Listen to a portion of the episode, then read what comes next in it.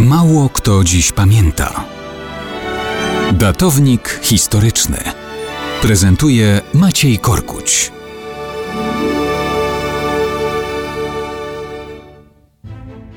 Mało kto dziś pamięta o splecionych ze sobą miłosnych historiach, jakie miały finał w Londynie 10 grudnia 1541 roku.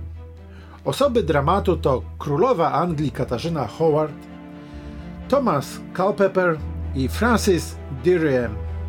Kiedy Katarzyna Howard nie została jeszcze królową, była na wychowaniu księżnej Agnieszki Howard.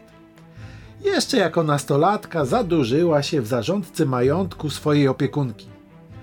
To był właśnie Francis Dyriem. Zostali kochankami. Mimo, że księżna Agnieszka ich rozgoniła, obiecali sobie ślub. Jakiś czas potem 18-letnia już Katarzyna trafia na dwór czwartej żony króla Anglii Henryka VIII.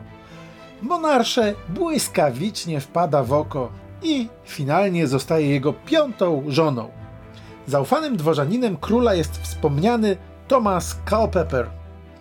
To dla króla powiernik największych sekretów, również bardzo osobistych.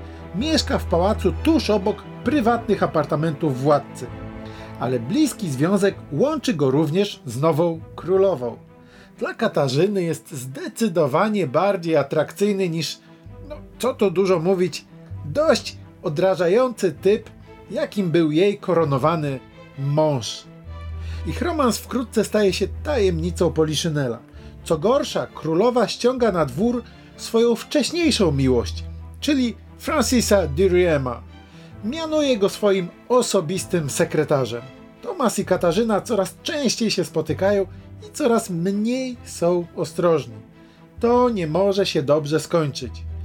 I się dobrze nie kończy. Król się o wszystkim w końcu dowiaduje. Śledztwo wszystko potwierdza. Katarzyna zostaje oskarżona nie tylko o cudzołożenie z Tomasem, ale też o zatajenie przedślubnego związku z Francisem.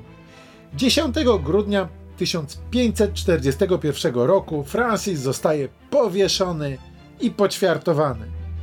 Tomasowi król okazuje łaskę.